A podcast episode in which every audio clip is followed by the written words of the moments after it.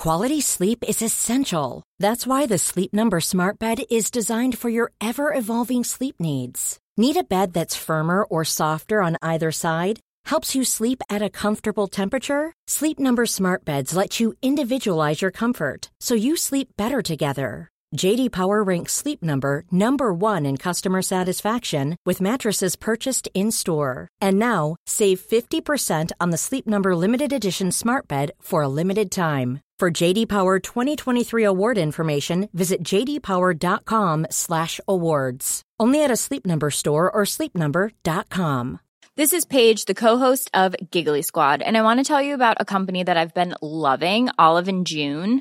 Olive and June gives you everything that you need for a salon quality manicure in one box. And if you break it down, it really comes out to $2 a manicure, which is absolutely insane. It's also so easy to get salon worthy nails at home with Olive and June. The difference between how your nails used to look when you did them yourself and now with the Manny system is a complete game changer. The best thing about Olive and June too is it's a quick dry. Dries in about one minute, lasts for five days, and full coverage in up to one to two coats. Visit oliveandjune.com slash perfectmanny20 for 20% off your first system. That's oliveandjune.com slash perfectmanny20 for 20% off your first system.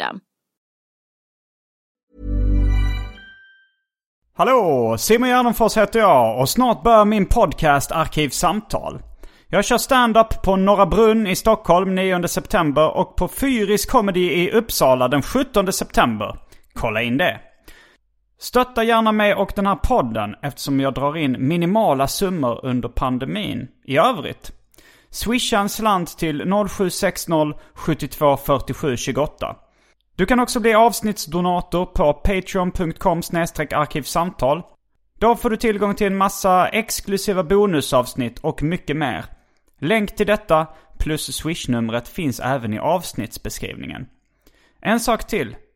Glöm inte att följa mig på Instagram. Där heter jag atgardenfors. Men nu kommer Arkivsamtal som klipps av min redaktör Marcus Blomgren. Mycket nöje!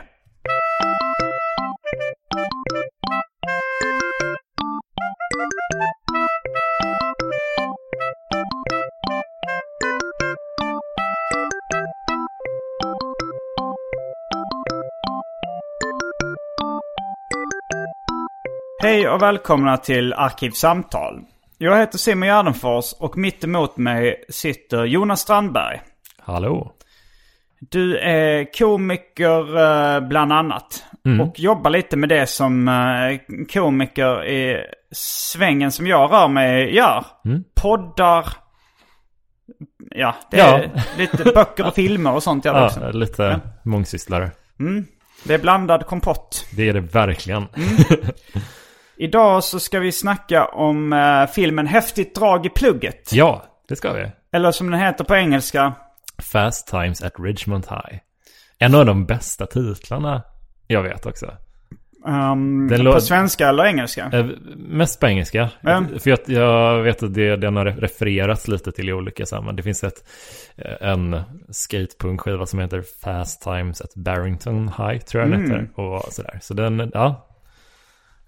För jag, jag gillar också den titeln. Jag minns, jag hade hört talas om den filmen. Jag, jag snöade in på liksom utbildningskomedier. Det vill säga Mm. komedier i utbildningsmiljö. Liksom så high school, college. Men även sånt som skidskolor och polisskolor och sånt. Skidskolor, plural. Ja, det finns ju det flera skiskolfilmer och sen finns det ju Jaha. Snowboard Academy och sånt. Okej. Det kanske inte är en skidskola men Mer eller mindre. mer eller mindre ja.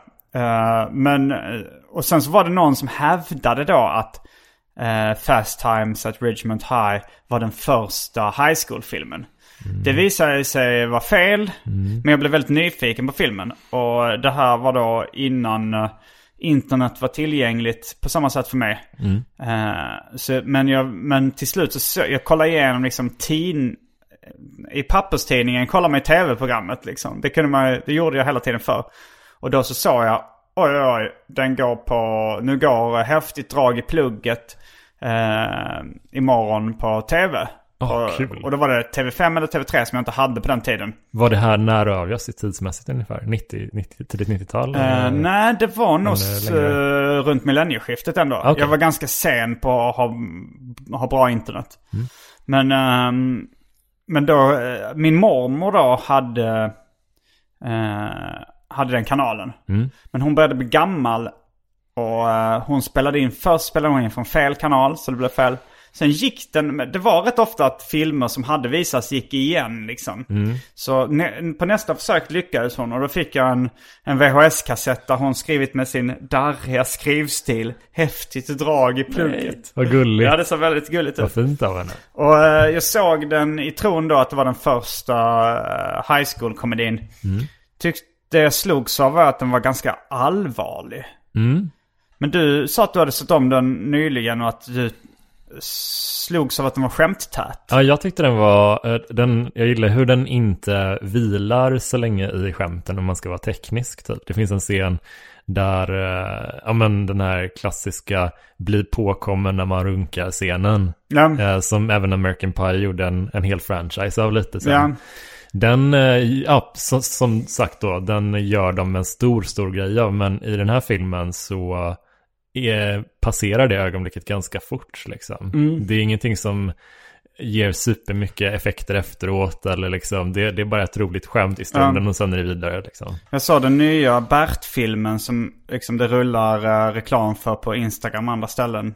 I den trailern så är det Bert blir påkommen när han runkar. Okej. Eller i alla fall påkommen med byxorna nere på en toalett och någon tjej ser det. Ja, Jag minns någon college eller high school film jag såg där det var en karaktär som bara var, alltså hans gimmick var onani. Och han hette Jerkovsky i efternamn. kul. Det är ju, jag tycker man får en sån, eh, när man ser sån här high school eller collegefilmer, att man får en liten, eh, man får tillbaka sin pubertala humorstil lite. Eh, jag, jag såg om hela American Pie-serien nästan, eh, om man ska vara teknisk. Alltså alla de med originalcasten sådär. Okej. Och de, jag bara kommer ihåg, det var som att man blev så här 15 igen liksom. I vad man garvade åt och vad man tyckte var sjukt och Om man tyckte var pinsamt. ja, verkligen så.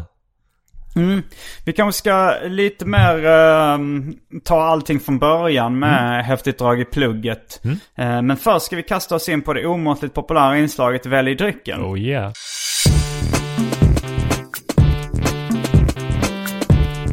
Jag tror vi börjar med det fasta inslaget Välj drycken! Och eh, här kommer alternativen. Mm.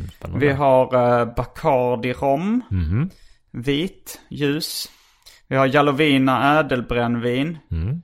Vi har Gordons dry gin. Mhm. Vi har Bullet, Bullet bourbon. All right. Eh, Fanta Zero, mer passion sockerfri. Snapple sockerfri. Budvar öl, ifall vi inte drack upp alla igår när jag hade lite, någon form av slapp efterfest. Mm. Uh, Gold, uh, Oppigårds Golden Ale. Rapskate IPA, Rapskate Dubbel-IPA.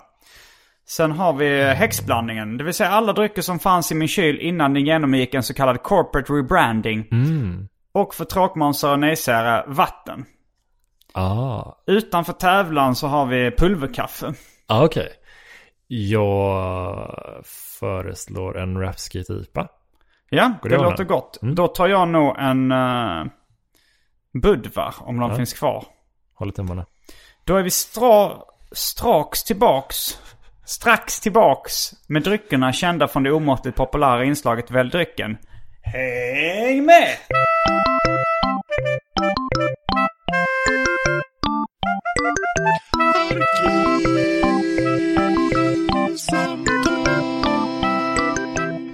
Skål och välkommen. Skål för fan. Mm, fan vad gött att sitta och dricka starköl och prata om utbildningskomedier. Eller hur? På betald arbetstid. Verkligen.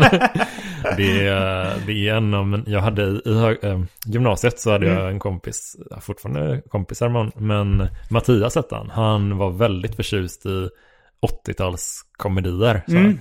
Och det är lite han som har fått in mig på, han har fått mig att se Dazed and Confused. eh, Mm. och, Den är väl ändå en 90-talskomedi? Ja, det är sant, det är sant, det är sant. Ehm, men, eh, men den eh, lite så här klassiska high school-filmer och sådana komedier. Ja, det, jag, jag använder ju då na, eh, samlingsnamnet utbildningskomedi. För det är så svårt att säga high school och college. Ja, Man blandar verkligen. ihop dem lite. och, och det är ju ändå en skillnad även internt mellan high school och college, alltså i tonen. Ja det är det ju. Det är Det är mycket mycket- äldre. Eh, Ja, men hela den där att de, men dorm-kulturen som det. finns, alltså att de bor på de skolan. bor ofta inte hemma hos sina föräldrar som är high school-filmer. Sen har Mm. vi ju liksom avarter som Hamburger Academy. Och, har du sett den? Nej.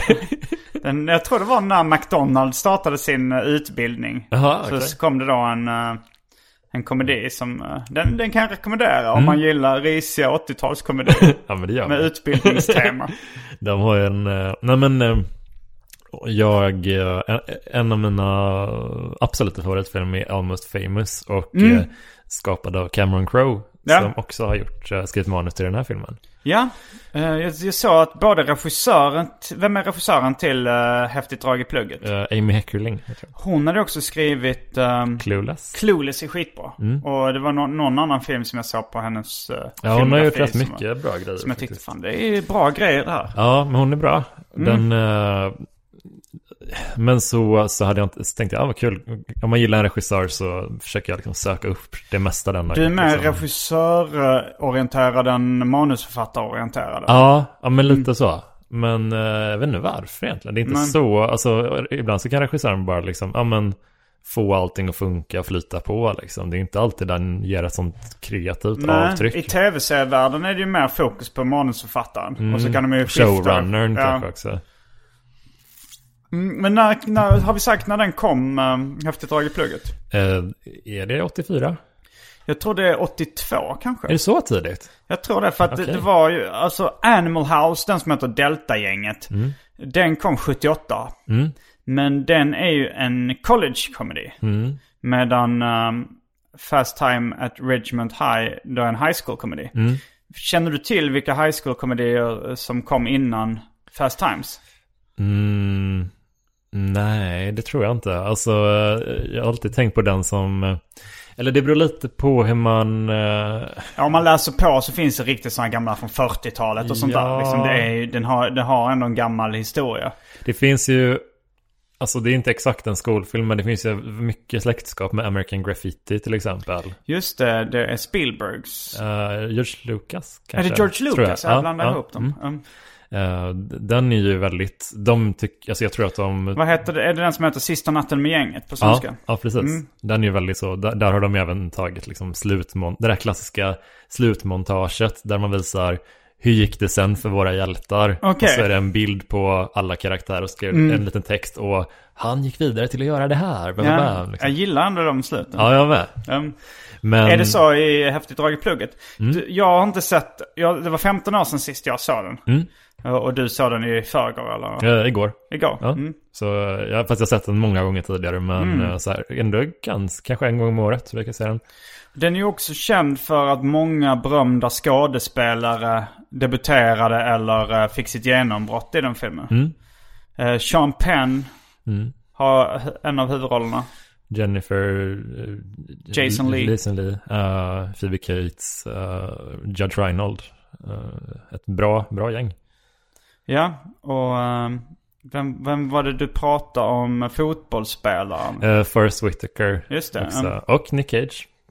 Nick, Eh, du är Nick Cage med Nicolas ja, Cage. Ja, ja. Du Nicolas kanske vill, ja, det, jag tänker att det var lite, lite i och med din Nicolas Cage-fixering som du föreslog att vi skulle prata om. Häftigt drag i plugget idag. Eh, ja, li lite. Fast jag, han är ju med så mikroskopiskt lite. Så att det är nästan inte Mm, alls. men han fick, det var ändå något av hans debut eller? Ja, ja, men det var det. Så, men, men... ehm, Och, och akkrediterad som Nicolas Coppola. Ja, precis. Och han, eh, han gick eh, tydligen runt så här och, och lite... Han var 17 bast när de spelade in den. Mm. Så gick han omkring lite och skröt om att han var släkt med Francis Ford Coppola. Vilket han sen ville dölja när han bytte namn till Nicolas För Cage. han blev så jävla mobbad sen att han var en sån skrytmåns Ah, liksom av alla andra skådespelare som bara de retades med honom under resten av inspelningen. Mm. Så efter, det var det som fick honom att byta Aha. tydligen, att han blev så otroligt liksom nedtryckt i sko- stövlarna liksom.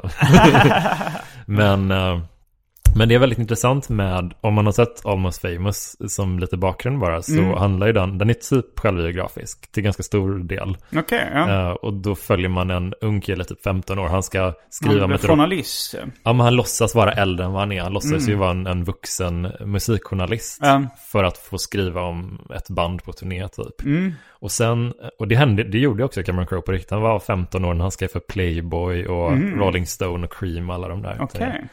Sen blev han 22 och eh, då bestämde han sig för att låtsas vara en high school-elev. Han låtsas vara yngre helt plötsligt. Mm. Så då gjorde han så att han, han, han, han tog sig an ett uppdrag att han skulle infiltrera ett år på ett amerikanskt high school. Ett år? Det är Ja. lång tid. Ja. Två term hela terminer liksom. Mm. Och eh, då gjorde han så här att han, eh, han gick till, till rektorn Mm. på det här föreslagna skolan liksom och sa att ja, det här är min idé att jag ska skriva om den typiska amerikanska tonårstillvaron liksom. Mm. Och först var rektorn så här bara, ah det känns inte så bra liksom att du ska ja, gå undercover på våran skola. Det är lite obagligt också Mm. kanske. Men då kom det fram liksom att på något sätt att Cameron Crowe hade intervjuat Chris Christopherson, alltså countryartisten. Okej. Och som då eh, rektorn var ett stort, stort fan av. Mhm. Så han bara, han blev lite starstruck av det. Och Han träffade någon som hade träffat Ja. Och det var allegedly det som fick honom att gå med på att släppa in den här journalisten, den här 20-plussaren i sitt high school. Och låtsas vara en elev. Mm. Mm, men eh, den här boken som Cameron Crowe sen gav ut baserat på det här reportaget är extremt svår att få tag i. Den Du har kostar- försökt, försökt på den? Jag har försökt under Det perioder. finns inte pdf-er att ladda ner illegalt? Det, jag, om någon har alltså Mm. dem så får de jättegärna skicka till mig. För jag har letat rätt länge typ. Och boken kostar så här 7000 spänn typ på Amazon liksom. Den billigaste? Ja, den inbundna versionen. Mm. Pocketversionen är väl 2000 billigare kanske. Nej, ändå saftigt. Ja, det är lite för... Och den ska tydligen inte vara speciellt bra heller. det är det som är det. Dyr och dålig. Ja, dyr och ganska... Den är så här...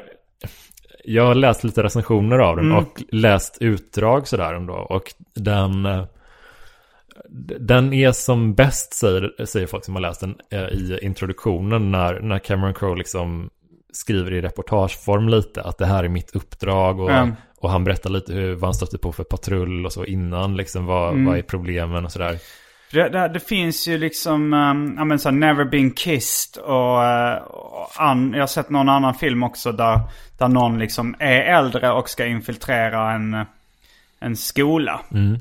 Och, det, och, eller att de liksom genom ett trollslag blir yngre igen men har sin vuxna hjärna kvar. Ja. Eh, ja men, eh, 13 pushing on 30. Eller serieromanen Tricked av eh, Alex Robinson. Eh, och där är ju alltid liksom ett av problemen så här. Eh, de, eh, det blir någon form av romanssituation Mm. och att det då blir snuskigt eftersom de egentligen är mycket äldre. ja, eller Var Jump Street-filmerna också. Ja, jag, Jump Street. Jag har faktiskt inte sett uh, filmerna eller tv-serien. Men jag har hört att det också är temat där. Mm, mm. Men är, blir det så i den boken också? Att han, att han liksom Mm. eh, drabbas av det dilemmat? Alltså han är lite, det, det jag har läst av den är liksom att han Han har det här introduktionen där han går in, eh, förklarar liksom, skriver väldigt som en journalist. Och sen i princip så, så är, i och med ett kapitelbyte så blir han eh, Då blir det någon sorts halvskönlitterär som är ganska risigt skriven Jaha, story. som han skriver om de här tonåringarna då på något så, alltså det är lite svårt att avgöra vad stämmer liksom Mm. och vad är har han hittat på det här eller liksom för att det är skrivet som en eh, tonårsroman lite efter Ja. det. Och det är lite svagheten med den boken tydligen att den Men är... för häftigt drag i plugget, den innehåller ju inte den här aspekten att det är någon som ska gå undercover. Utan Nej. det är ju mer som, gissar jag då, den här tonårsromanen Mm. som han skriver. Ja, men det är också eh, det roliga med det är väl lite att dels så Cameron Crowe har liksom blivit ganska irriterad på de som gjorde Never Been Kissed för att det Mm. är, de stal i stort sett hans historia liksom och hans liksom format för den här boken och filmen och allting. Mm. Så det, den konflikten har ju funnits där kring just den filmen. Okej. Att den har liksom fått så här plagiat eh, anklagelser mot sig. Mm, mm. Men eh, det de gjorde med filmen var väl i princip att de, de tog det bästa med, med, med, romanen liksom. Att de bara tog vilka karaktärer är viktigast och mm. roligast och mest så här. Och så bara tar vi bara om dem. Så observatören finns liksom inte med i filmen då. Nej. Alltså Cameron Crowes liksom öga utifrån. Utan det är bara som du säger liksom en, en skolfilm mm. egentligen. Det var ju också, alltså jag vet inte hur pass revolutionerande det var. Men det, var, det sägs också att det var ganska mörka teman. Det är liksom abort och det är eh, liksom lite ångestfyllda sexsituationer och det är eh, droger och sånt skildras i den. Mm. Eh, det, det kanske inte hade gjorts på det sättet innan. Mm. Alltså det var också ganska, alltså jag, jag minns det, ett av de starkaste minnen är Sean Penns karaktär som hög på marijuana och slår sig själv i huvudet med en rutig Vans-doja. Kanske inte den vanligaste reaktionen när man rökt på. Men... Nej, han är, han är så kul i den filmen tycker jag. För att han är så, han är som, han är lite som Stifler fast mer pundig liksom.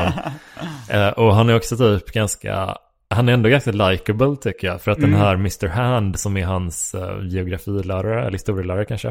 Uh, är ett är sånt jävla hård mot honom. Mm. Verkligen och liksom så fort han är två minuter sen till lektionen så, så blir det en stor scen om det liksom. Um, och man ser lite när Spicoli som Champagnes karaktär heter, när han blir tillsagd mm. att han blir så här lite, men va? Han blir lite, så här, lite ledsen av det. på något sätt. Att han, han blir inte så kaxig riktigt. Som man kan tänka sig att den typen av karaktär är. Utan han, han blir lite mer så här ledsen. En komplex uh, karaktär. Ja. Eh, men Sean Penn har väl blivit en rätt hyllad skådespelare. Mm. Uh, och han kanske liksom la in hela sitt register i den rollen. Liksom, som kanske egentligen var tänkt som en sån flippig stoner-karaktär. Ja, det är många som uh, har liksom, som har, de få som har jämfört boken med filmen har också sagt att det, de scenerna som är med i filmen och boken, de är mm. väldigt trogna liksom. Det är ja. nästan ordagrant taget sådär. Mm, mm. Men Sean Penns karaktär uh, tänker många är väldigt improviserade, liksom många av hans scener, att han mm. hittar bara på i stunden så. För att han är mycket mindre sympatisk i boken. Aha. Han är lite så här, det finns en scen i boken där eh, det har skett någon typ av bilolycka. Typ där någon, eh, någon i klassen har, någon släkting har gått dött i den olyckan. Mm. Då kommer Spicoli i boken då, han kommer in med liksom en, ett, den här tidningsartikeln mm. och pekar, kolla man ser de döda här i, i, i förarsätet liksom. Han, han är mer en sån, allting pekar på att liksom Cameron Crowe avskydde Spicoli när han gick i skolan med honom. Och han, han, får, han är mycket mer av en skurk eller en douchebag liksom i, mm. än, än en charmig pundare liksom. Um, jag tänkte på ett sidospår kanske men uh, din fixering vid Nicolas Cage. Mm. Du håller ju på med en uh, bok som handlar delvis om Nicolas Cage. Mm. Vill du berätta lite om den? Ja, men det, det handlar om en person som inte har så mycket på gång i livet. Så han eh, tar sig an projektet och ser alla Nicolas Cage-filmer. Mm. Och uh, så blir han successivt mer och mer fascinerad och liksom påverkad av honom liksom, och besatt av honom typ. Mm. Så ja men det är lite av en, en slacker-roman liksom. Det, mm. det händer inte så jävla mycket. Det är mycket en låglivstillvaro liksom. Eh. Hur många procent självbiografi skulle du säga att det är? Mm, ganska mycket, men, men eh, det är mer typ kanske jag när jag var 24. Mm. Kanske. För då, då hade jag liksom ingen riktning alls. Jag hade inget projekt på gång som var speciellt kul. Utan så här, jag jobbade lite, pluggade lite. Vet, inget var mm. speciellt inspirerande. Och då kollade vi på film hela tiden. Och liksom, det var också det enda som som vi gjorde. Mm. Men, uh, ja. Var det som i Sean Kingston-låten uh, Beautiful Girls när han säger It was 1999 watching movies all the time. ja, det var exakt så. Nej men uh, så det är väl lite, det är också kul och och kunna ganska mycket om en skådespelare på det sättet. Mm. Och att det inte är den som folk liksom... Framförallt när det är en person som har man en bild av till exempel Nicolas Cage i det här fallet då, så har man kanske den här meme-bilden att han skriker in i på någon bild och liksom, eller tappar humöret och blir galen typ liksom. Ja. Det är mycket så här roliga scen, alltså de har freeze-framat en scen där han öppnar munnen och spärrar upp ögonen och så är det någon meme-text liksom. Så Jo, det är Men jag det. för mig lite att... eh, för han har väl ibland fått kritik för dåligt skådespeleri. Och jag kände när du började den här fixeringen så var det lite att du... Ja men lite tyckte synd om Nicolas Cage. för att han hade fått de här anklagelserna och lite gick i försvar mot Ja, honom. ja, ja. Och sen började gilla honom liksom. Ja. Jag, jag lyssnade mycket på podden Hollywood Babylon innan. Mm. Med Ralph Garman och Kevin Smith. Och då hade de, eh, hade de ett segment som hette Exquisite Acting. Har du hört det också? Mm. Vad du sa, when A-class eh, actors do less than A-class performances. Ja. Och så är det ofta då när någon spelar över väldigt mycket och skriker helt omotiverat i en scen. Ja. Jag har för mig att Nicolas Cage var med rätt många gånger i den. Ja, det är jag säker på att han har. Nej, men jag gillar att han tar eh, risker liksom. Eh, Det tycker jag är kul. Att det. Men, men så här, de, många... Innan så läste jag på så här, ja men de listan på de sämsta Nicolas Cage-filmer så var ofta typ så här Wicker Man, en, en remake av en gammal skräckfilm med Ja. på den listan.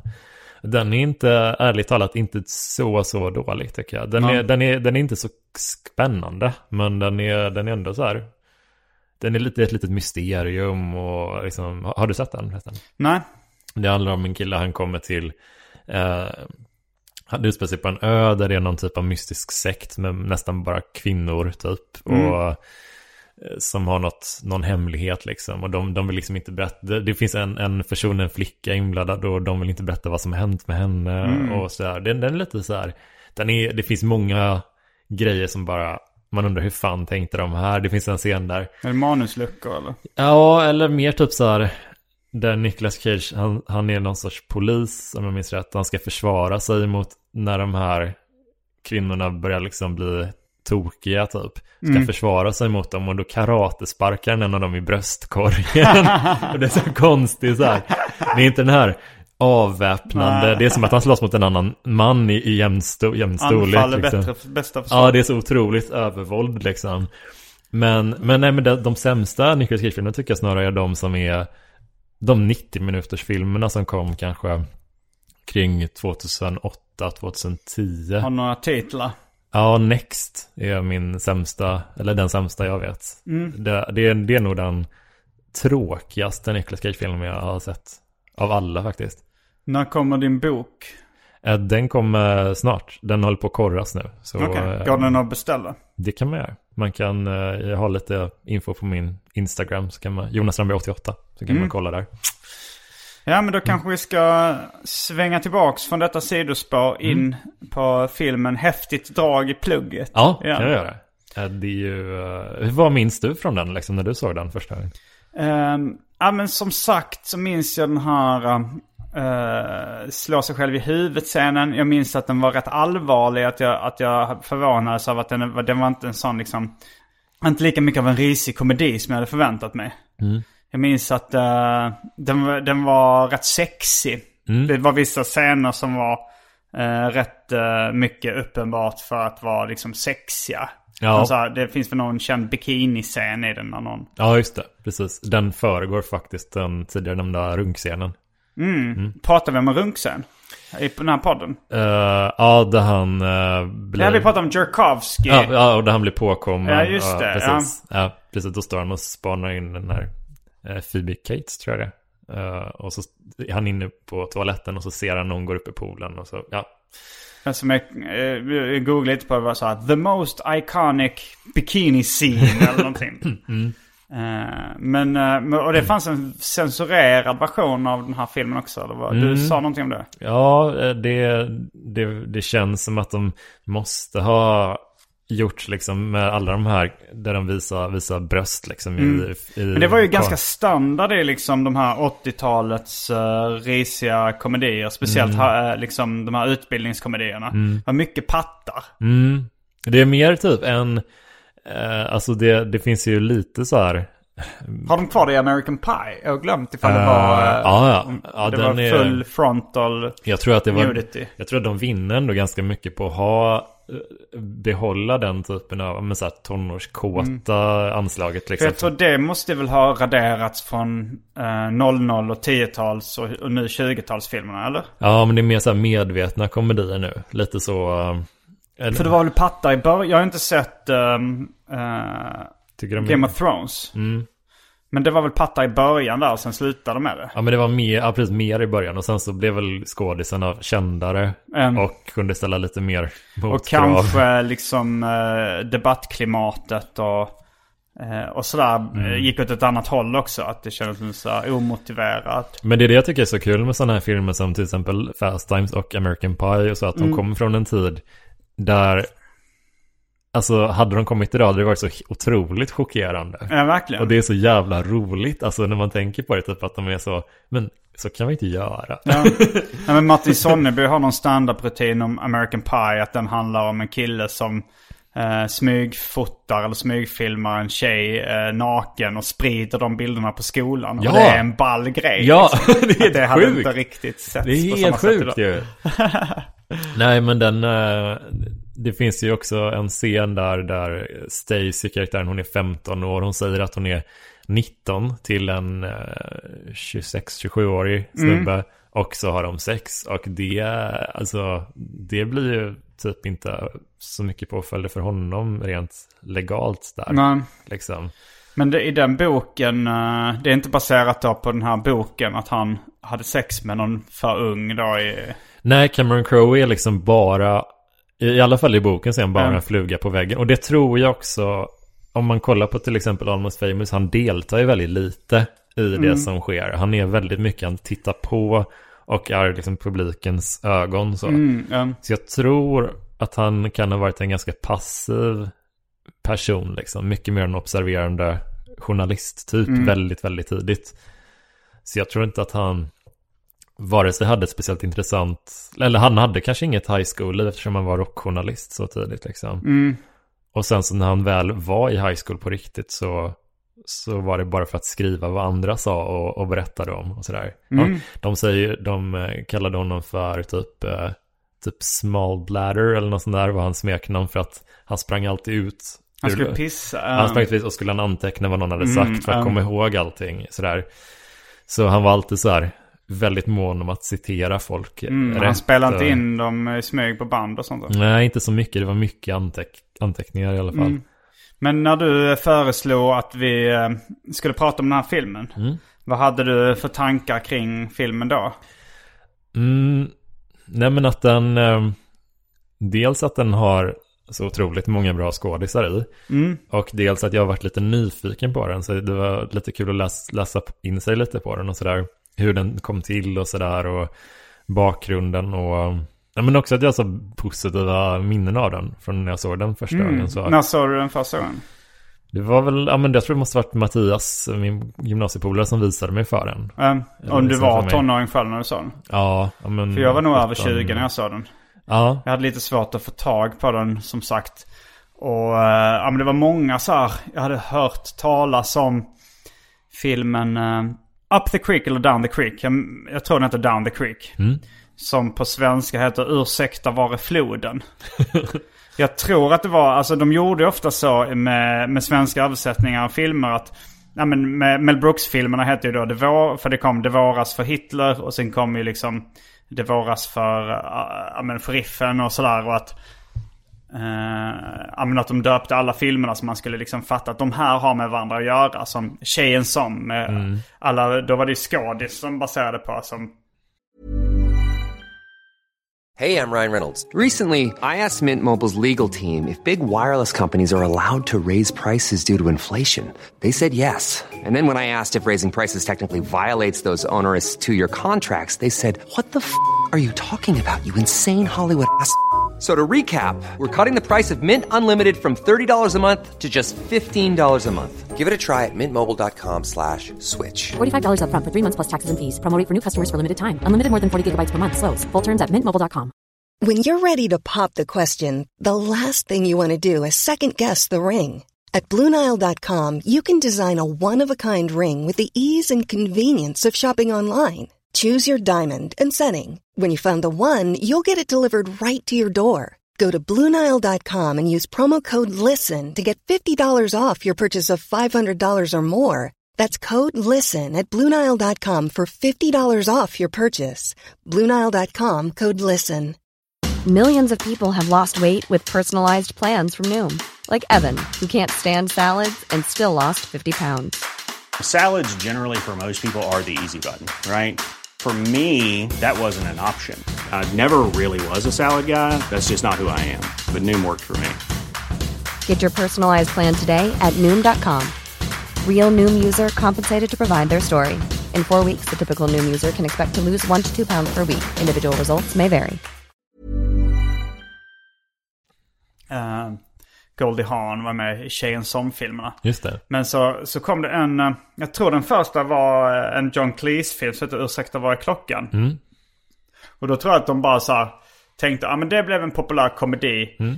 Eh, nu kommer det en komedi som handlar om en uh, flod. Mm. Alltså det handlar om att de åker kanot eller kajak eller vad det är. Mm. Eh, och då kallar vi den för Ursäkta var är floden? Mm. För att anspela på, ah, okej det här är, en komedi i samma anda. Ja, men jag tycker det är rätt nice ändå. Mm. Då kan man ändå fatta lite vad, vad är det för typ av... eh, Det finns ju faktiskt en eh, andlig uppföljare till Fast Times också. Vad Så- sa det finns en... en andlig, eller så spirituell upp- uppföljare typ liksom. Till, Mhm. till Fast Times. eh, Som, som- inte är samma regissör och manusförfattare. Eh, det är samma manusförfattare. Ja. Eh, Cameron Crowe, inte samma regissör. Och Sean Penns brorsa Chris Penn är med i den. Mm.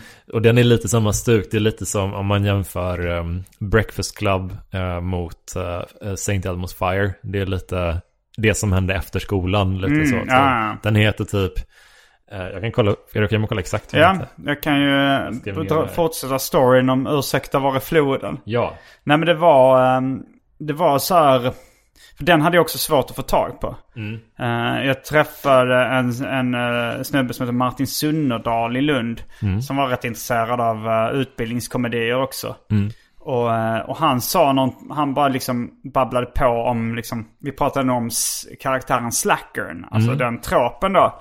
Och så sa han, ja ah, men det är ju typ eh, han som eh, vaknar på morgonen i sin studentkorridor.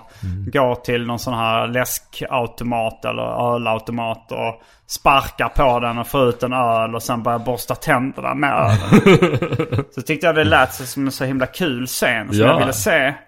Eh, och sen så fråga honom eh, vilken hans favoritfilm i den genren var. Och då var det nog Down the Creek. Ursäkta var är floden. Och då, och då på något sätt fick jag för mig att den scenen var med i den filmen. Eh, men det var den inte och jag har inte sett det i någon annan scen. Och det, jag, det lutar mer åt att han bara tänkte ut en typisk scen för Ja. att beskriva slackern i en utbildningskomedi. Den är ganska bra. Ja, det låter ju... Faktiskt. Men det är Även också- om jag inte vet om det fanns ölautomater i USA på Men den tiden. det, men det finns en sån riktig sl- slacker-romantik kring den här perioden också. Men, ja, men som i Van Wilder, Van the Man. Ja, Van the Man ja. eh, där Ryan Reynolds har gått på college i sju år tror jag. Mm. Och har liksom inget så här huvudämne utan han bara hänger där och partar. Och Ja. liksom är typ äldst på hela skolan. Jo men det är också tropen The Old Guy at Campus. Det tror jag Ja. det finns en film som heter också. Jag tror också, fast jag tror också att han, han porträtteras som lite cool där. Ja. För att han ändå får festerna att hända hela tiden. Och liksom är på något sätt så. Men sen så är det väl också en... Ja. Nej men det... Det... Ja. Men där var det ju också i, alltså Down the Creek hade väldigt tydligt sån här, ja men de hade då en, eh, en kanottävling och så var det så här, nördarna var i en kanot, mm. jocksen var i en kanot, uh, slacker-kanoten, bimbosarna eller så här. Den låter väldigt rolig. Ja. att det är så tydliga fack Jo, det var liksom. väldigt tydligt. Eh, men, men hur mycket av de troperna finns med i Häftigt drag i plugget? Vi har ju stonern slash Mm. slackern. Eh, men är det tydliga sådana liksom? Finns, det, finns nörden med där? Eh, ja, alltså det, det tycker jag nästan han... Uh, ja, jag glömmer bort. Eh, Rat, eh, Mike Ratner tror jag han heter. Mm. Han som är förälskad i Stacy. Mm. Eh, han är väl lite nörd. Han jobbar som så här biträde på biografen Mm. typ. Och, ja men, ja men är lite blyg och inte har social koll riktigt liksom. Mm. Och sen så finns det ju The token black guy. Ja, slash uh, The Jock i det här Ja, fallet. ah, som är då mm. Forrest Whitaker. Och han är intressant om man jämför med bokporträtteringen av samma karaktär. För Mm. att i, eh, i filmen så är han eh, sjukt endimensionell liksom. Han är stor, eh, intimidating, alltså så här, Mm. Hotfull. hotfull och liksom är lite läskig bara. En sån. Och sjukt bra på fotboll. Mm. Men i, i boken tydligen så, så är han lite mer, väldigt mer nyanserat att han det finns en, han har liksom så här problem att han alltid ska vara den svarta kompisen typ, i gänget lite så att folk är polare med honom för att det är kul att ha en svart kompis Ja, lite. men är det inte det som, alltså token, vad bety- det betyder väl, vad betyder token? En, Ja men att lite så här att man måste, ja just det, den här obligatoriska Ja. svarta kompisen i gänget. en, lite en den. symboliska. Ja men verkligen så att han var den och, och liksom och det finns mycket mer backstory kring hans liksom karaktär i boken tydligen. Här är han väldigt mycket mer, ja men han vill köpa Earth, Wind and Fire biljetter av den här biljettskalpern som säljer liksom Skummisen. Ja men han har så här, han har alltid så här konsertbiljetter till konstiga överpriser som han säljer till barnen på skolan liksom. Är det fejka, alltså är det, är det så här, är det funkar biljetterna? Ja, ja, ja. Nej, men han, han köper upp dem eh, tidigt och sen så säljer han dem till typ trippla priserna typ. Bara för att tjäna snuskiga summor pengar. Men, men det, den har ju sina troper, men jag tycker också det är ganska bra att om man kollar på typ Stacys karaktär. Hon är ju inte typ, tycker jag, en typisk så här eh, high Bimbo. school tjej liksom. Hon, hon, hon bara... eh, men det är bara det faktum att det är hon som liksom tar kommando lite så här över situationen. Så här Som raggar och, upp ja, hon raggar upp dem, både typ Mike, eh, alltså han som säljer biljetter och eh, Rat då, att hon är den som tar initiativ där liksom. Mm. Och eh, ja, men den, hon är ganska så här nyanserad ändå tycker jag. Jo men det var ju mer nyanserad än de klassiska Mm. college och high school-filmerna jag har sett. Alltså vill jag minnas det som. Mm. Eh, Men det är också typ om man jämför med den här, eh, eller om man jämför den här med eh, Cameron Crowes senare filmer så, och Amy Hecklings senare film så märker man lite att den, den är, har lite så här mm, babysjukdomar lite, att den inte är, den är inte helt tight hela tiden. Nej, underhållningsvärdet Skiftar. vacklar lite. Ja, ja. Jag minns att den var lite tråkig ibland. Ja, det tycker jag också nu när jag såg om den så här att man, om man försökte hitta grejerna som inte, för jag såg också nyligen om Slack, eller Slacker som jag inte har sett på Slackers, eller Slacker. Slacker, Linklaters. Uh, eh, Richard Linklaters. För det finns en uh, utbildningskomedi som heter Slackers också. Mm, mm. Som inte var jättebra. Nej, Det var lite senare, liksom kanske 90-tal. Jag tycker Mm. ofta det här, men runt mitten av 80-talet, då var de... Då var det många så här utbildningskomedier som var så himla korkade. Ja. Så att det blev liksom roligt på någon slags... Uh, uh, ja men man, tra, alltså man skrattar parodiskt sätt. Ja. Man vet inte riktigt vad... Ifall, är de här filmskaparna dumma i huvudet eller? att man får det intrycket. Men ibland kan jag tycka att, att, jag, för, eller att jag föredrar det framför uh, Linklaters tidiga liksom tics eller vad man ska säga som filmskapare. För han har en grej att han typ så här Slacker är ju ingen riktig utbildningskomedi. Nej, det är det inte, Det är men- en Slacker-film, inte, inte så jättemycket komedi. Nej, den är inte komedi, men han har, han har det här liksom att han alltid ska ha en karaktär, en manlig karaktär ofta som ska förklara hur han tänker på olika saker. Mm, Och att han har kommit på nya teorier och grejer. Och det är så jävla... Eh, framförallt om man kollar på Slacker så är det så himla opolerat och Ja. eh, tröttsamt faktiskt. Och så... Li, Jo, men- den är faktiskt eh, väldigt tråkig, Ja. Slacker. Ja, men Alltså, jag den, såg- den är ju revolutionerande och jag gillar den, men den har ju sina trista partier. Alltså. Nej, för jag, jag, försökt, jag hade försökt se den första gången två gånger typ, Mm. och kom inte ens förbi öppningsscenen där eh, en killen i... Där. Link, ja, när Ja, Linklater själv, himself, Ja, ja. när han sitter i taxin och ska förklara sin teori om parallella universum. Det är ju Så liksom utmattande. klichébilden av en tråkig eh, monolog. Ja, men sen när jag tog mig förbi den och ja, men jag tycker ändå den har sina grejer. Men det man kan se där är väl lite att man ser vad Linklater sen skulle bli. Så jag tycker Mm. om man ska se till exempel eh, en Linklater-film eller en Cameron Crowe slash Amy Heckerling-film. Så ska man inte börja med de tidiga. Men de, det, det är mysigt att gå tillbaka till dem. Eh, och, för då kan man lite se, ah, det, det, man uppskattar dem på ett annat sätt lite tror jag. För så kände jag verkligen. Jag har sett alla Linklaters andra filmer. Vilka, om du droppar så många titlar du kan på Richard Linklater-filmer du kan komma på.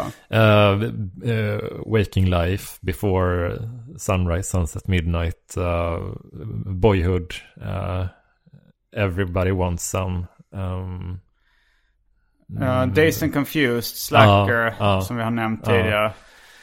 Ja, ska... Han har väl gjort en, någon som är Fast Food Nation. Någon sån hamburgerfilm eller någon Mm. Ja. fast food-film. Fast den kan man bara regisserat och Mm. bygger på manuset till Snabbmatslandet eller något liknande. Ja, för han är en sån som, jag tycker han känns som en comedy-regissör lite grann i, sin, i sitt sätt för att han är lite slapp själv, lite så här, och han, han är inte så, tidiga Linklar är inte så snygga filmer liksom, men Nej. han liksom, det blir bättre och bättre. Men, eh, men Boyhood är väldigt snygg som jag minns. Ja, otroligt fint filmad. Ja. Men ehm, jag tänkte på Forrest Whitaker. Mm. Jag känner igen honom väldigt mycket och jag har sett honom i jättemånga filmer. Men Mm. jag kan inte riktigt placera. Har du sett Last King of Scotland? Ja, den har jag sett. I Det är ju, han, den handlar ju om uh, Idi Amin. Mm. Där han en, en scen där han eh, ska fisa. Mm. Vill jag minnas. Jag är inte så förtjust i fishumor men... jag kommer ihåg att jag tyckte det var en ganska. Det var, det var första gången jag såg uh, Louis CK's tv-serie Louis. Mm. Så var det någon också som, som liksom... Eh, som eh, sa, ja ah, men den här är en skitrolig, de, de visar liksom Louis CK som komiker. Det var mitt första intryck av honom. Och så sa han, ah, den skitrolig. Och så visade de liksom ett avsnitt som var så här ganska kort. Och eh, det var, det var liksom hans syrra eller vad det var som var gravid och hade jätteont i magen och skulle in på sjukhuset. Och så slutade det med att hon bara behövde fisa. Och så avslutades med en lång fis. Jag tyckte det här är inte bra. Jag tyckte det var skitdåligt. Och så var det samma, det var en annan kompis som, som presenterade den uh, Last King of Scotland och också var så här. Ja det är jävligt roligt det när han uh, kul. har ont i magen och tror att han håller på att dö. Så är det bara att han behöver fisa. Det är så svårt för det. Oh, ja. Nej men eh, jag gillar ju First Whitaker. Jag tycker han ser, han har så här väldigt minnesvärt utseende. Han har Ja. sånt lite lazy Men är eye. han med i Boys in the Hood? Eller Oh, inte? vet inte riktigt. Eh, men ehm, men det, det, jag gillar typ hur han, uh, Judge Reynolds karaktär, att han är så jävla präktig eh, i, i- i början. I uh, Framförallt. Häftigt drag i Ja, plugget. precis. Han, är, han, är liksom, han har ju det här börjar flipping-jobbet liksom. Mm. Han står säkert börjar. Ja, vad heter hamburgerkedjan? Uh, vad heter han? Han får ju sparken där för att Mm. han förolämpar en, en, en kund. Mm. Jag kommer inte ihåg vad den. Var det plockat från boken? Vet du det? Det, jag tror det. Alltså typ, alltså för det de har gjort egentligen när de har översatt eh, fil, eller boken till film är väl mest att de har slipat bort grejer från boken. Ja, och, boken brukar vara längre än filmen. Ja, ja, men typ, och att de har slagit ihop vissa karaktärer. Så till exempel uh, Mike, karaktären Mike, eh, som säljer biljetter. Eh, han är en annan karaktär än den som säljer biljetter i boken. De två har de smashat ihop till en, en person. Eh, och så har de väl gjort lite andra gubbar också liksom. Att de bara... För att effektivisera storyn lite typ. mm. Men jag, jag, tycker lite så här, om man kollar på... Så här kan det vara både med skräck, skräckisar och komedier typ. Om man kollar på om, en eh, från 30 år sedan eller sådär liksom. Att, att man tycker att den är lite långsam och sådär. Och det, det tror jag att man skulle tycka om man såg den här för första gången idag också. Att den känns lite så här, lite sjukt omodern liksom. För att det, det är sättet de pratar på och, och sådär. Men på ett sätt känns den ju rätt modern för att det är en eh, drama. Det är på det sättet som senare eh, skulle bli populärt. Kanske ganska mycket i och med alltså, den sen eh, nördar, Freaks and Geeks, Nördar och nollor. För den, den eh, tv-serien var ju rätt mycket så, okej här är det ganska, det är inte så skämttätt längre. Det är... Ja men det är lite mer allvar och riktiga känslor. Och det skulle jag säga att häftigt drag i plugget har. Liksom, Fast många år tidigare. Men jag, jag tycker också att den... eh, Alltså Judd Apatows, hela hans stil och som så, han som använde i, på något sätt i sina senare filmer. Nu senast i The King of Staten Island. Som också var liksom... Det, jag, jag gillar den filmen. Jag tyckte den var jättebra. Men, eh, men, men man känner sig ibland lite lurad eller så här. Känner mig lite billig när jag blir berörd av de här lite smöriga scenerna. Men du gillar inte när det är så här känslosamt i, i filmer? Jag vet inte. Jo, jag kan uppskatta det. Jag, jag såg eh, eh, den här tv-serien Little Dicky. eh, eh, alltså Dave, Dave Birds eh, tv-serie Dave. Som finns nu på HBO. Eh, och där var det liksom nästan de här eh, känslomässiga scenerna som jag tyckte bäst om. Eller det var bra humor i den också. Men, men eh, där gillade jag det väldigt mycket. Eh, men jag är också ganska förtjust i Larry Davids regler när, eh, när de skapade Seinfeld. No hugging, no learning. Just det. Att, att jag är mer inne på det här lite mer kalla, cyniska humorn. Det ska, vara, det ska vara kul, de ska inte kramas och lära sig saker. Men ibland tycker jag det, det mina sådana st- största svaga punkter när det gäller eh, just kanske mest skolfilmer då, eller utbildningskomedier och filmer, så är, är det dels när de tar, tar examen ja, och de får sina diplom och de har de här hattarna på sig. ja. Det är också så här, men det är så himla markering nästa Teen steg. movie är också en samlingsbegrepp som man använder. Som Ja. Not another teen movie parodierar alla Ja. de här utbildningskomedierna. Ja, verkligen så. Ja, men bara de ska vidare i livet. Nu Ja. är det slut på skollivet. Och för skollivet, det är som, det är som en sån kapsel typ. Att Mm.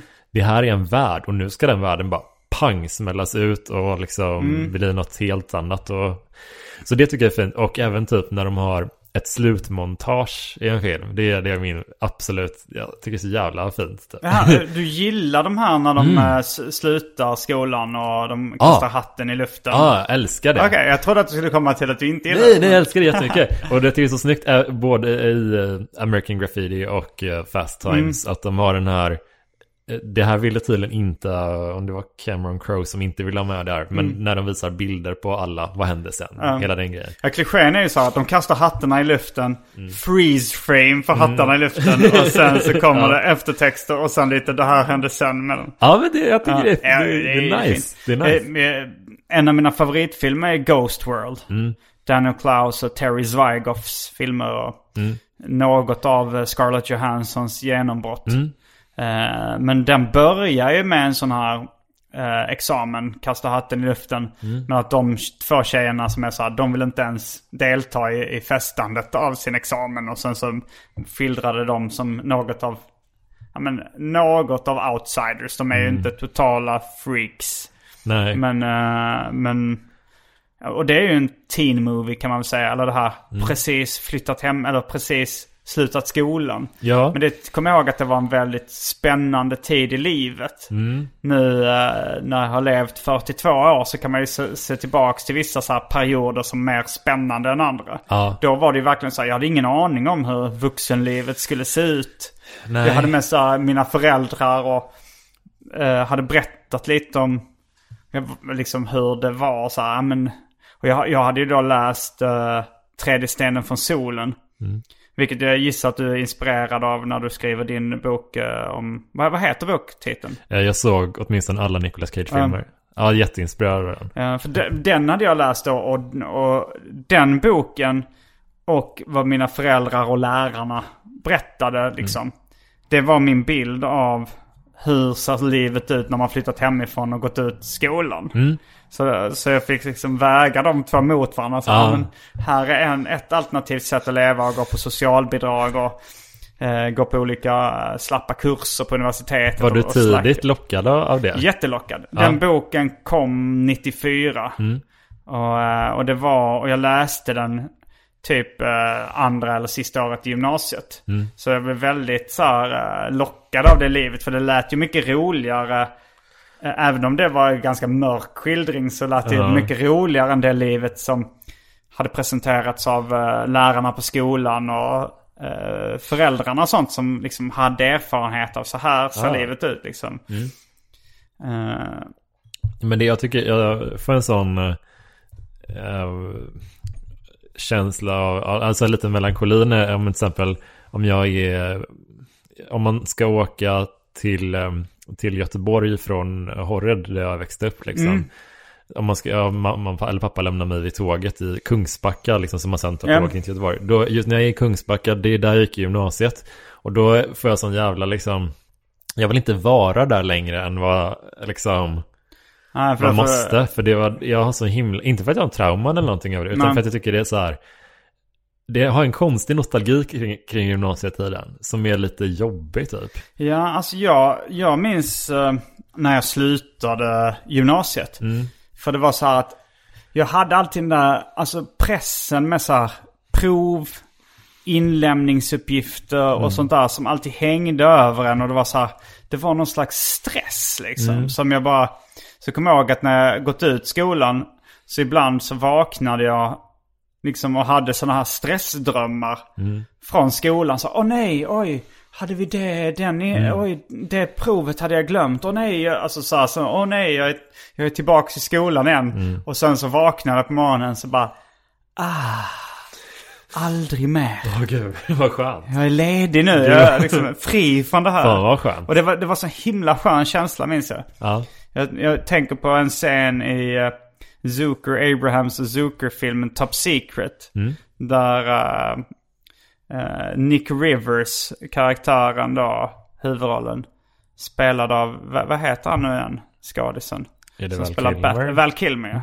Batman är det. Batman. uh, nej men han, eh, han ska bli pressad på information och så blir han torterad och han blir upphängd och piskad och han tuppar av. Och sen så är det en sån scen så här, eh, I'm back in school again. Och, så här, och så letar han efter rätt sal där det ska vara någon skrivning så här. Oh the tests are over, I, I haven't studied. studied. Och sen, sen vaknar han upp och så blir han piskad av den där. Och då har han så Gud vad gud.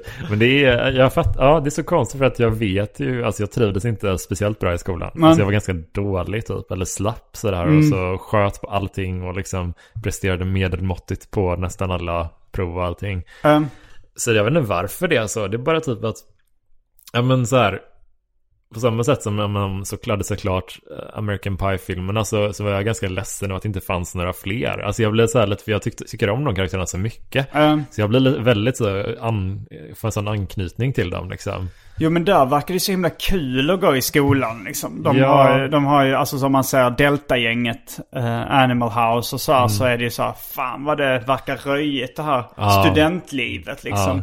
Sen eh, de gånger jag har testat eh, studentlivet i Lund så var inte så Det är jättekul ju inte fester och så.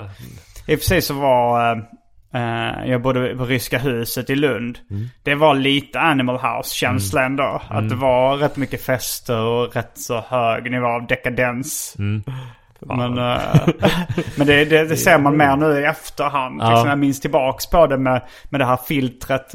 Man, man redigerar ju sina minnen lite på samma sätt som en film är redigerad. Ja. När man, när man Verkligen. lever mitt i någonting så är det mycket mer vardag och tristess. Ja, gud ja, verkligen. Och det är också, jag tror att det är en sån känsla av, ja men lite som, som den här boken Fast Times at Richmond High. Mm. Att den är väldigt svår att få tag i nu för tiden Mm. och därför vill jag jättegärna ha den. Precis, Lite så är det med, med de här minnena av gymnasiet. Jag vill ju inte tillbaka dit exakt, men man blir ändå, jag känner ändå en liten, liten sorg Mm. för att det är omöjligt att göra. Ja. Jag förstår det lite, alltså det är inte så att eh, det är Det bara svårt till... att, att- att göra, gå undercover nu. Ja men svårtillgängligheten är någonting med det som bara, ja men, Ja, det är ju klassiska uttrycket människan är skapad att vilja ha det hon inte kan få. mm, mm. Men det, det är därför tror jag jag tycker så himla mycket om typ sådana komedier som utspelar sig i den miljön. För att det är så, det är som att lite vara i det ändå. Och, och att det, det, det finns en sån fin dynamik mellan personer att alla är så trevande. Folk är så skeva socialt och vill ändå få göra ett bra intryck liksom. Och det finns olika, man kommer lite från olika samhällsklasser och kastas ihop för att man råkar bo på samma, i samma område typ. Och, Ja, jag hade en period där jag kollade jättemycket på sådana filmer också. Det var ganska mycket också för att eh, försättas i det här problemfria sinnestillståndet. För det kändes som ganska mycket så en problemfri tillvaro. Och de problemen som fanns var väldigt greppbara. Ja. Och man såg dem utifrån. Gud, ja. Det var en kille jag jobbade med som sa att när hans liv kändes som jobbigast, om han hade kärleksproblem eller vad det var, så brukade han försöka eh, titta på sitt liv utifrån och låtsas att det var en collegefilm. Och att då började, brukade allting kännas lättare. Att det var så här, här är det här problemet den här killen Fan vad kul. Det är, Ja, det är nog en smart trick, Jättebra verkligen. Alltså för också om man tänker så här. Vad, vad tyckte man var jobbigt då? Typ? Om då minns jag typ att, att jag tyckte det var jobbigt att mina föräldrar var så här. Att de typ hade lite kontakt med min ja, men mentor hette det, alltså typ så här klassföreståndare eller whatever. Eh, och, och, eh, så, så, och de bad henne säga till dem om jag fick dåliga resultat typ och sådär. Mm, ja. Och då hade jag sån jävla ångest när jag visste att jag hade fuckat upp ett prov typ. Att jag skulle gå hem. Och så tänkte jag, ja det är inte så kul såklart att få lite skit från ens föräldrar liksom. Nej, nej, men det var ju det värsta. Men det var ju det Alltså, värsta ja! Ja, Jag, jag, bara med, jag kan till och med jag kan kastas tillbaka till den här ångestkänslan när man kommer till en lärare som har de här ledsna, besvikna ögonen Mm. Ja. och säger Simon, vi har pratat med dina föräldrar. Och fy fan vad... Och så gick man i flera timmar i skolan innan man kunde komma hem. Och uh, vi har berättat vad du har gjort. det är väldigt så... Ah, uh. Men det är lite... Alltså jag tycker också det är lite fint typ. För att jag tror också lite typ att jag har väl ändå kvar det någonstans. Jag vet att om man kollar på... Ja men så här, om jag, jag och min tjej kollar på en, en sån high school eller collegefilm. Och så är det någon som bara har, är ledsen för att, ja men den, jag vet inte, jag tror inte den vill gå på dejt med mig typ. Och så är jag lite deprimerad över det. Eller en sån tonårsproblem typ. Du, min tjej Ulrika, hon är alltid så här, ja men det är väl ingenting. Alltså hon är alltid så liksom väldigt... eh, Mm, jag tycker att det är inte så stort problem. Ja, det sätter det perspektiv från hur det är, hade varit nu li- lite så. Medan jag är mer typ, nej men gud vad hemskt. att, det, att jag blir den personen. Liksom. Ja, du lever in i det. Men det, jag tycker det, det är ett skönt sätt att få bejaka sin känslighet lite. Jo. För att man blir lite som en sån, Jo men det var ju, saker kändes ju eh, allvarligare. Mm. När, alltså både, alltså det, känsloregistret var större på något sätt. Att Mm. man, eh, när jag, första gången jag blev liksom förälskad i någon i skolan och sånt och, och tänkte liksom eh, eh, att okej det här kanske, hon kanske är intresserad också. Mm. Jag hade ju inga tankar på att det här kommer gå över någon gång eller Inga tankar på att det här inte skulle vara för evigt. nej, nej, nej. Alltså verkligen. Och, och det, det var så fruktansvärt på eller av. Liksom då, att man var... Det finns en, eh, en serietecknare som heter Jeffrey Brown som gör mycket så här, uh, ja men, tonårsförälskelseserier och sånt. Eller high school och college. Då kanske man är, och, och kanske un, unga 20-årsåldern. Eh, han har gjort en bok som heter Every girl is the end of the world to me. Fan vad fint. Ja, det är en bra titel. Jättebra. Jag sa, eh, David Liljemark, eh, när han såg den tiden sa ja, jag kan relatera till 100 procent. Nej men det är verkligen, och jag är så jävla imponerad av eh, personer som är, ja, vad ska man säga, efter, efter 27 eller något så här. Som ändå kan skildra den typen av känsloregister. Det, det är därför det är så coolt med typ, ja men faktiskt en del med Cameron Crowe liksom. Att han ändå kan göra det tycker jag. Att det känns viktigt för karaktärerna. Och, och de som har gjort American Pie, de är också ganska känslosamma filmer så. Och det, att de ändå får den här, både den här vänskapen mellan de här killarna liksom, att kännas väldigt så, ja men ganska fint typ. Att de lite så här, ja men vi, även den här lite äckliga pakten de har, att de ska ligga innan examen, whatever liksom. Den är, känns lite så här, lite så, som en ganska mjuk typ av manlighet inom citationstecken. Ja. Liksom. Jag tycker det, är en, lite, det känns konstigt modern på sina ställen. Men det, jag gillar Superbad väldigt mycket. Supersugen. Mm. Där finns ju också den typen av uh, skörhet ibland Ja. i, i den så här vänskapen och Ja. sånt där som de skildrar. Ja men det är inte den här, alltså det är absolut en grabbighet sådär, men det är inte den typen av Men, parodiska dude bro upplägg lite. Som Nej, det det är kan... Jonah Hill eller någon eh, som är med i början och snackar om så här. Jag kommer inte ihåg vad det var han jämförde med. Det var som första gången jag hörde The Beatles. Kommer du ihåg den scenen? vad är det han jämför det med? Är det nå- någon som har så snälla ögon eller någonting? Jag vet inte fan vad det är. Men det är någon, det, jag kommer ja. ihåg att det var, det var så här. Det är lite så här chockerande eh, eh, mjuk manlighet de Ja. visar upp. Men det är ju lite som, de tog väl lite, eller drog väl lite sin spets i I Love You Man också. Som jag tycker drar det lite över kanten Jag är ibland. inte säker på om jag har sett den faktiskt. Jason Segel och Paul Rudd.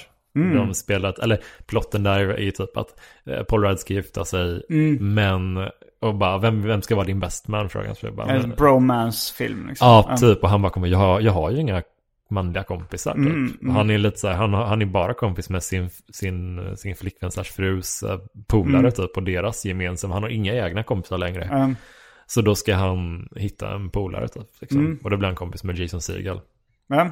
Det är mysigt. mm, ska vi börja runda av det här samtalet? Kan vi göra. Vi har pratat eh, länge. Mm. Ehm, ja, är det någonting du vill göra reklam för eller tillägga? Nej men eh, om man vill kolla in eh, den här boken som vi touchar lite på så kan man gå in på min Instagramkonto och så, så kommer jag skriva lite mer om den där också. Mm. Mm, Jonas Strandberg 88 heter jag på Instagram. Japp, eh, det var allt för den här veckans avsnitt av Arkivsamtal. Jag heter Simon Gärdenfors. Jag heter Jonas Strandberg. Fullbordat samtal!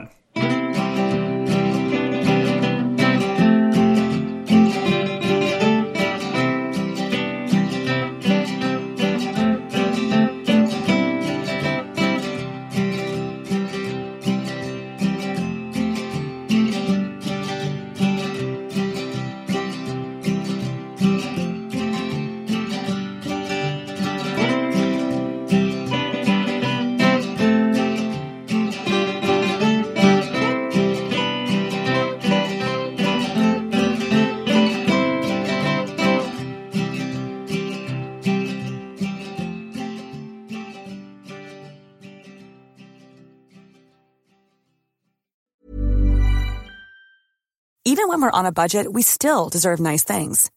Quince is a place to scoop up stunning high-end goods for 50 to 80% less than similar brands. They have buttery soft cashmere sweaters starting at $50, luxurious Italian leather bags, and so much more.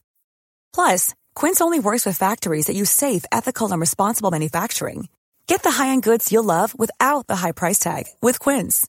Go to quince.com slash style for free shipping and 365-day returns. Mom deserves the best, and there's no better place to shop for Mother's Day than Whole Foods Market. They're your destination for unbeatable savings, from premium gifts to show-stopping flowers and irresistible desserts. Start by saving 33% with Prime on all body care and candles. Then get a 15-stem bunch of tulips for just $9.99 each with Prime. Round out Mom's menu with festive rosé, irresistible berry chantilly cake, and more special treats. Come celebrate Mother's Day at Whole Foods Market.